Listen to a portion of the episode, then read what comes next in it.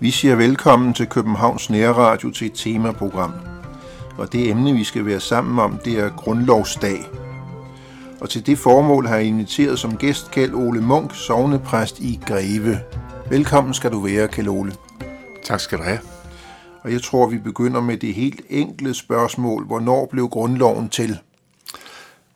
Ja, men grundloven den blev til øh, 5. juni 1849. Øh, det var da den blev skrevet under, og det var da den blev vedtaget. Der har selvfølgelig været en lang forhistorie, men øh, det er dagen, og det er den, vi fejrer, og har gjort hvert år siden den blev til. Så vil jeg stille det lidt runde spørgsmål. Hvordan blev grundloven til? Ja, det er jo det store spørgsmål. Øh, op gennem 1800-tallet, især øh, fra 1830'erne, så begyndte der at, at brede sig i den danske befolkning sådan et ønske om større frihed. Det var jo stadigvæk enevælden øh, med de enevældige konger, der mig alene vide, som vi har et citat fra, Øh, jeg mener, det er Christian den 8., der er tillagt det. Men der var alligevel så meget rumlen, så man fik øh, øh, lavet en stænderforsamling, hvor øh, de forskellige grupper af samfundet var repræsenteret. De var jo stærkt. Øh, man skulle eje rigtig meget jord, eller man skulle have øh, stor indsigt, eller forskellige andre krav, så det var, det var ikke noget stort udsnit af befolkningen. Men uh, i de der stænderforsamlinger, der var lavet fire, i Roskilde, Viborg og også i hertugdømmerne, uh, Slesvig-Holsten, var der to. Og der spirede ønsket om en fri forfatning frem. Der var også bønderne, der begyndte at røre på sig. Mm. Stavnsbåndet var blevet ophævet, og de ville gerne have lidt større frihed og have lov at også kunne eje deres egen jord. Og man havde også øh, de religiøse vækkelser. Øh, allerede stadigvæk i 1835, man havde noget, man kaldte for konventikelplakaten, som forbød religiøse grupper at samles, hvis ikke præsten havde givet tilladelse. Og det var der øh, rigtig mange, der reagerede imod. Øh, man har jo eksempel med de stærke jyder over i, Østjylland, der virkelig kæmpede for deres sag. Og så øh, havde man jo også øh, i 1840'erne den franske revolution, og ringene bredte sig sådan ud i landene i Europa, hvor øh, frihedstankerne ligesom fik vind i sejlene. Mm. Og her i Danmark, der kommer flere adresser til kongen, og da Christian Notten dør, så skriver han et brev til sønnen, øh, Frederik den 7., der skal være kongen, at han skal sørge for at få lavet en forfatning, og ja, som kuriosum, så står der også, at han skal gifte sig inden året om. Der er ikke så meget med grundloven at gøre. Og så bliver der nedsat en grundlovsgivende forsamling. Øh, den bliver nedsat 23. august 1948. Og øh, der bliver så øh, der bliver også lavet der bliver fremsat 80 paragrafer, som øh, D.G. Monrad, øh, som er kendt fra 1864-krigen, at han har skrevet. Og øh, du skulle næsten lige forklare, hvem D.G. Monrad er. Ja, men D.G. Monner, han var en af dem, der tilhørte gruppen af nationalliberale, kalder man dem. Altså folk, som tænkte på, at man skulle have frihed i samfundet. De forskellige grupper af befolkningen skulle have lov at have frihed til at sige, hvad man ville, altså ytringsfrihed. Man skulle have frihed til foreningsliv. Man skulle have frihed til at vælge den regering, man ville have. Monrad var, var præst og blev jo også senere biskop på Lolland Falster. Det var han faktisk i to gange, to omgange han er den eneste, der har været biskop og gået af og blevet valgt igen. Og så var han rigtig dygtig. Og det kan vi også se i grundloven. Det er et mesterværk. Jeg bemærkede mig, da jeg var hjemme og besøgte, at han har efterladt sig en lille bog, der hedder Fra bøndens verden. Ja, han har skrevet flere rigtig fine og byggelige bøger. Uh, han var dybt uh, troende menneske og praktiserende kristen. Og uh, nogle af hans bøger, de læses faktisk stadigvæk i dag. Ja. Men hvis vi nu tager... Vi bliver så ikke helt undskyld, færdige, undskyld. Vi bliver ikke helt færdige med uh, tilblivelsen af, af, af grundloven. Fordi uh, den grundlovsgivende forsamling behandler jo så øh, de her forslag, og det ender med, at der kommer en grundlov med 100 paragrafer. Og i det store hele så går Monrads udkast lige igennem. Og centrale ting var jo afsnittet om rigsdagen, øh, med to kammer rigsdag, altså et landsting og et folketing, hvor Folketinget får øh, første prioritet, hvor for eksempel finansloven skulle forelægges i Folketinget først. Og øh, Folketinget skulle vælges ved direkte valg, mens landstinget blev valgt ved indirekte valg, ved valgmænd. Og øh, det blev vedtaget 25. maj 1904, øh, øh 1849 bliver den grundlovsgivende forsamling så enige om øh, for at vedtage forslaget, og så skal det jo skrives under af kongen, og det bliver det så 5. juni. Der var noget med en folkeforsamling, der gik op til kongen, ja. i det de stod på Slotspladsen. Det var en ret dramatisk situation. Det er rigtigt, og den foregår 22. marts 1848 med udgangspunkt i den københavnske borgerrepræsentation og de har haft en møde, og så blev der ellers samlet en ordentlig skare af mm. mennesker, der stod, gik op på, på, på slotspladsen. Og Frederik den 7. han var jo kun lige blevet kongen der, efter at hans far var død. Så han har nok været lidt usikker, men han lover der på det møde, eller da den der folkeforsamling står nede på slotspladsen, at de nok skal få en fri forfatning. Og det er jo så, så går det hurtigt med den grundlovsgivende forsamling allerede klar 23 august i 48. Du siger fri forfatning. Hvad skete der så med monarkiet? Ja, monarkiet, tidligere var der jo indevold, eller inde, ikke indevold, men enevældige konger, som havde den absolute magt. Med den nye grundlov, så får man det, der kaldes et konstitutionelt monarki, og det betyder, at monarkiet har vi stadigvæk, og der er stadigvæk nogle lovgivende eller grundlovsgivende forpligtelser til kongen. Men det er ikke længere kongen, der har den politiske magt. Nej, men alligevel så holder dronningen statsråd og sådan noget. Ja. Og så enkelt var det heller ikke i, i 1849, øh, fordi der var stadigvæk øh, flere muligheder for kongen, end der er i dag. For eksempel så var der en diskussion om, at han kunne udpege medlemmer til landstinget.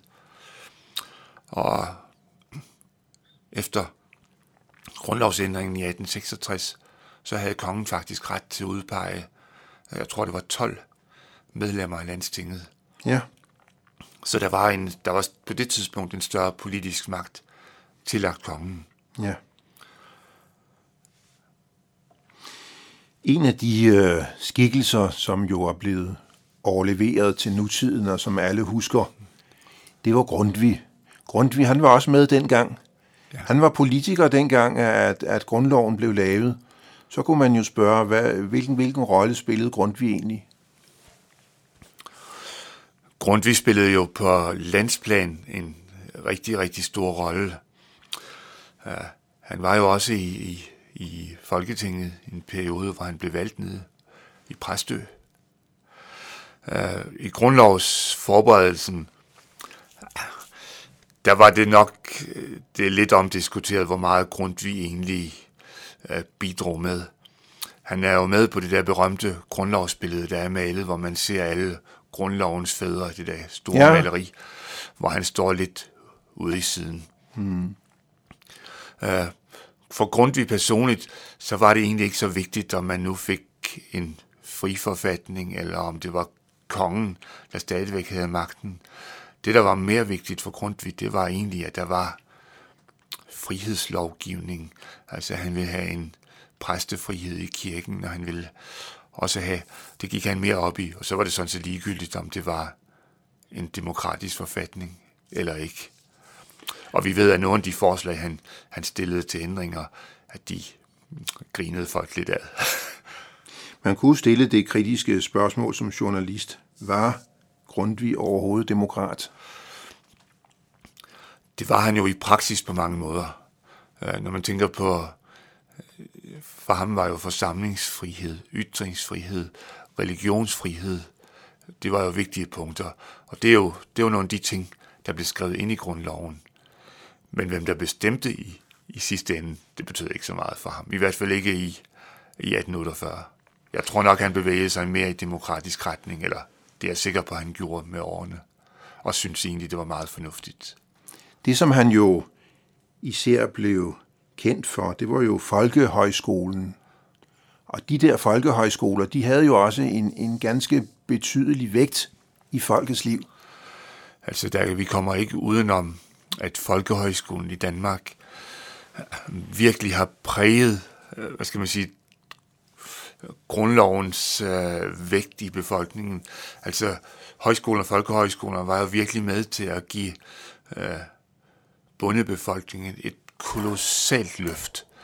De fik jo en almen dannelse på de højskoler, og man kan jo, og det løftede, øh, og, og politisk kan man sige, de blev jo placeret mange af dem, der var på folkehøjskoler. Det var jo dem, der var grundlaget for partiet Venstre, og til dels radikale Venstre. Og andelsbevægelsen havde jo også sin rødder i, i højskolerne, det der, hvor man fik menneskelig værdighed med sig hjem.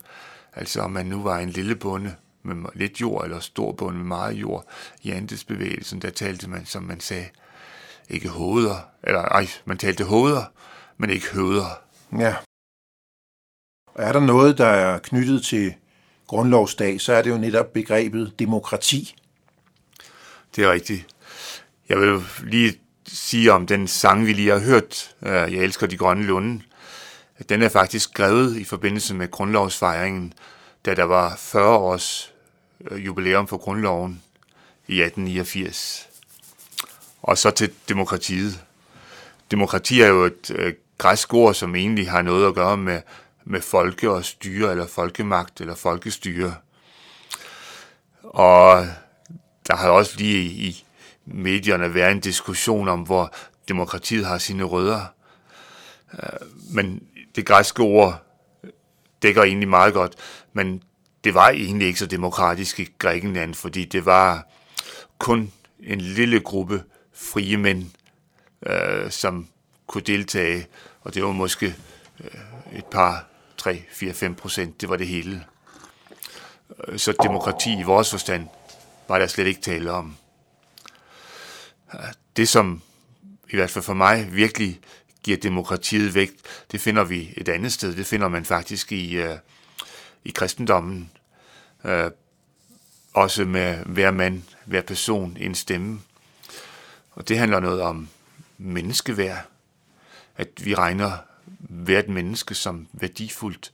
Det gjorde man under ingen omstændigheder i de græske demokratier.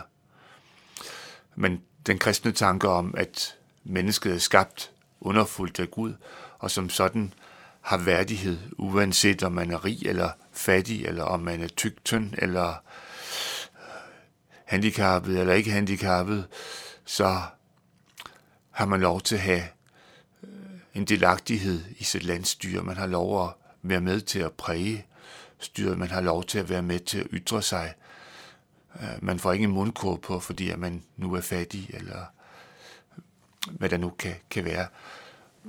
Og det er, der er for mig ingen tvivl om, at den, de her værdier, øh, de kommer fra vores øh, kristne baggrund. Og vi kan jo også se, at der hvor demokratiet er, og demokratierne er mest velfunderet, det er faktisk i øh, nationer, som har en, en kristen baggrund på en eller anden måde. Man kan selvfølgelig sige også, at man har haft lang tid til det, men alligevel, øh, så er det et billede, som ikke er det kommer udenom. Demokrati har i høj grad noget med grundlovsdag at gøre, men det har trosfrihed også. Ja, det har det i høj grad. Altså ytringsfrihed var jo en ting, der blev skrevet ind i grundloven, og religionsfrihed var også noget, der blev skrevet ind. Uh, der var jo helt op til uh, næsten grundlovens vedtagelse, så var der jo censur i Danmark. Hmm. Uh, nu har vi jo i vores dage også et trykkefrihedsselskab, som skaber meget debat, men navnet er ikke nyt. Uh, I 1835 stiftede man faktisk også et selskab, der hed til trykkefrihedens rette brug. Okay. Uh, med religionsfriheden, så står det faktisk skrevet ind flere steder i grundloven. Øh, I paragraf 68 i kapitel 7, så står der, at ingen er pligtig til at yde personlige bidrag til nogen anden gudstyrkelse end den, som er hans egen. Og i paragraf 70, ingen kan på grund af sin trosbekendelse eller afstamning berøves adgang til den fulde nydelse af borgerlige og politiske rettigheder, eller unddrage sig opfyldelsen af nogen almindelig borgerpligt. Altså det, der var den historiske kontrast, det var vel folkekirke kontra frikirke? Ja, det var det øh, til en, til en vis grad. Øh, det var måske øh, endda større grad bevægelser inden folk, for folkekirken, hvor man havde vækkelsesbevægelserne var jo i fuld gang i, i 1830'erne og 40'erne, og hvor der var flere af de ledere af vækkelsesbevægelserne blev, blev fængslet, måtte betale bøder, fordi at de mente, det var vigtigere at, at forkynde Guds ord, end at spørge præsten først og måske få afslag. Og hvad de fik jo afslag også nogle gange, hvor de så alligevel valgte at, at holde de møder.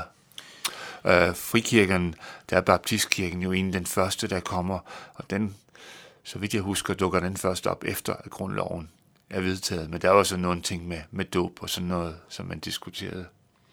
Og der står også, jeg glemte det, måske det allervigtigste, den allervigtigste paragraf, hvor der står i paragraf 47, at borgerne har ret til at forene sig i samfund for at dyrke Gud på den måde, der stemmer med deres overbevisning. Der er også noget, der hedder valgmenigheder, og der er noget, der hedder frimenigheder. Hvordan hænger det sammen? Ja, det er sådan set lovgivning, der er kommet også efter grundloven. Og øh, det er valgmenigheder. Det handler om, at øh, man får lov at, at samles i en menighed, som egentlig bygger på samme grundlag som folkekirken, og også står under biskopligt tilsyn. Men at man er bare ikke underlagt øh, de samme jo, man er underlagt de samme regler inden for, for den Luthers kirke, og, men at man har, man har frihed til at gøre tingene på sin egen måde. Og så har man det, der hedder sovnebåndsløsning, som også kom til, hvis man nu ikke er tilfreds med sin egen præst i det sovn, hvor man bor, så kan man vælge at, at flytte sit sovnetilhørsforhold til et andet sovn, hvor man føler sig bedre overens med præstens forkyndelse. Og man har også en lov om brug af kirker, og man har en lov om øh, lutherske frimenigheder, som, hvor man har endda større frihed og uden for biskopens tilsyn, men stadigvæk er evangelisk luthersk. Ja, Kjell Ole, vi skal til at kigge på forholdet mellem folkekirke og grundloven. Ja, folkekirken fylder jo øh, rigtig meget i, i grundloven, og er jo allerede nævnt i en af de første paragrafer, hvor der tales om den som folkekirke og evangelisk luthersk kirke, og at den understøttes som sådan af staten. Og så kommer der jo så paragraferne med religionsfri senere i kapitel 6, og hvor der også står om, at folkekirkens forfatning ordnes ved lov. Og det, at øh, kirken bliver kaldt for folkekirke, det er faktisk et udtryk, der også går tilbage til til Monrad. Og den almindeligste tolkning af, af udtrykket er jo, at det er en kirke, øh, som er folkets kirke, øh, som man i trosbekendelsen også kalder kirken for hellig og almindelig, hvor den både har øh, en guddommelig øh, side, men også en menneskelig fællesskabsside. Og folkekirke kan man vel egentlig kalde en kirke, så længe at flertallet af en befolkning er medlemmer af kirken. Det er normalt den tanke, der ligger bagved, at det er, når her i Danmark der er 80 procent, der er medlem af folkekirken, så er det absolut folkets kirke, fordi langt, langt størsteparten af folket er med i kirken. Kan man så, ikke sige, at øh, folkekirken har en begunstiget stilling i grundloven? Jo, den har i høj grad en begunstiget stilling i grundloven. Det kniber sig til gengæld lidt mere i praksis. Der står jo, at den, den skal understøttes som sådan af, af staten. Og det har jo tidligere, så blev præsternes lønninger betalt af staten. Men det har sådan set ikke så meget med, med understøttelsen at gøre, fordi det, det hænger sammen med, at, at staten fik kirkens jord i begyndelsen af 1900-tallet. Dem der historisk øh, kendte ved, at der blev udstykket rigtig meget til det, man kalder statshusmandsbrug. Og som kompensation til kirken, så skulle staten betale præsternes løn. Så når nogen i dag brokker sig over, at det er urimeligt, at staten betaler noget af, af præsternes løn, så er det måske vigtigt at have historien med, og i dag er det ikke engang 50 procent af præsternes løn, at staten betaler. Men det har absolut været en bedre forretning for staten end for kirken. Det vil sige, at i gamle dage, så var sovnepræsten, han var også landmand, han havde, han pløjede jord. Han havde i hvert fald jorden skulle sørge for, at den blev pløjet, og det var jo en del af hans, hans indkomst. Og der var så også nogle tiende forpligtelser til, til nogle af gårdene ude. Og, og, og der blev jo så også sket, der skete jo også nogle ændringer der. Og så er der en ting til, som jeg også gerne vil have med, og det er, at kirken kaldes for evangelisk-luthersk.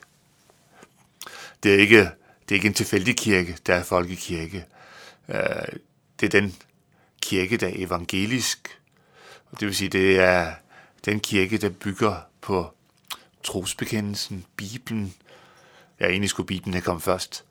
Øh, og de andre bekendelser også, når vi kalder den luthersk også, at den har bygger på øh, nogle af kerneskrifterne fra Luthers tid, det man kalder den afsburske bekendelse, og så, som nogen kender også, den lille katekismus. Og det vil sige, at vores folkekirke er jo ikke en tilfældig kirke. Øh, det er en kirke, der er, har et solidt kristent grundlag. Det glemmer vi nogle gange, og nogle gange er vi lidt for hurtige til at sætte vores egne meninger for os. Men det er rigtig godt at gå til kilderne og starte der. Når vi taler om grundlovsdag, så kommer vi ikke udenom centrale begreber som ytringsfrihed og pressefrihed. Det er rigtigt. Jeg var lidt inde på det før, at grundloven, at i grundloven er det vigtige ting, at der er forsamlingsfrihed, der er ytringsfrihed, øh, der er pressefrihed. Man har i det store hele lov at skrive, hvad man vil. Der er jo selvfølgelig de der begrænsninger af, at man ikke skal svine folk til en grad, som, som går ud over dem. Man har ikke lov sådan bare at kaste løgnhistorier efter folk. Der er jo nogle få ting, vi har stadigvæk en blasfemi-paragraf. Og, så, men, men i det store hele, så har vi i Danmark en meget bred ytringsfrihed, som jeg vil sige, man skal virkelig være ekstrem for at komme ud over. Det andet, du talte om, det kalder man vel for en jurier. Ja, det er rigtigt. Men øh, når vi taler om grundlov og rettigheder, så er der også noget, et, et centralt begreb, der hedder pligt og ret. Det er rigtigt. Der er jo også øh, i grundloven øh, ting, der handler om arbejde, bolig, og øh, hvor at der også bliver talt noget om, at det er nogle ting, som er vigtige for menneskerne, og, og det har vi har vi sådan set ret til at have et arbejde, man har ret til at skulle have et sted at bo. Øh, det er også væsentlige elementer i grundloven. Så den kommer, grundloven, den, ja, 100 paragrafer, og det er jo så ændret lidt i dag, men det kommer vi tilbage til, øh, selvom kernen stadigvæk er den samme. Så er det jo på mange ting meget lavpraktiske, helt fundamentale ting for os mennesker, det handler om. I 1849, der blev der grundlagt et tokammersystem. Ja, det kaldtes Folketinget og Landstinget.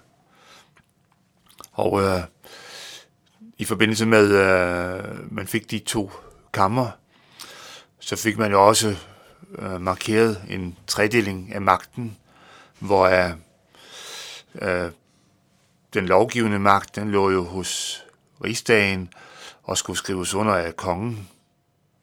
Og man fik jo også den dømmende magt, der lå hos øh, domstolene. Og så har man jo regeringen til, øh, hvad skal man sige, den praktiserende magt. Og der er jo så nogen, der, nogle gange har jeg hørt folk, der taler om, jamen så står der vel noget om de politiske partier i, i grundloven.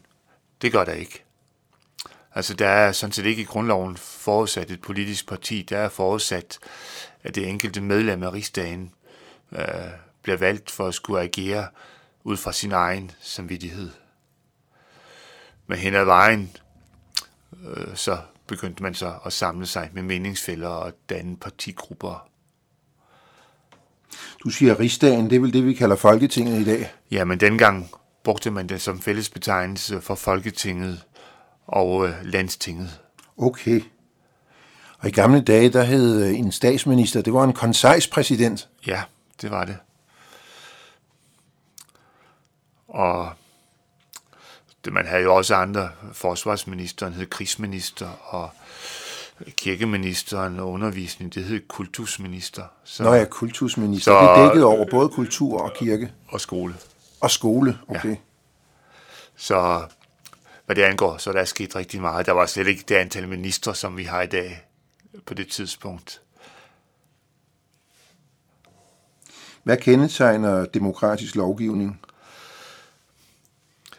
Jamen det er jo langt på vej det, som grundloven ligger op til, at man kan agere med sin samvittighed i behold, og, og også at man forhåbentlig øh, prøver at gøre det så godt som overhovedet muligt for det folk, man nu er rigsdagsmedlem for og regering for, at øh, folkets vi og vel er utrolig vigtigt, at man lever op til det.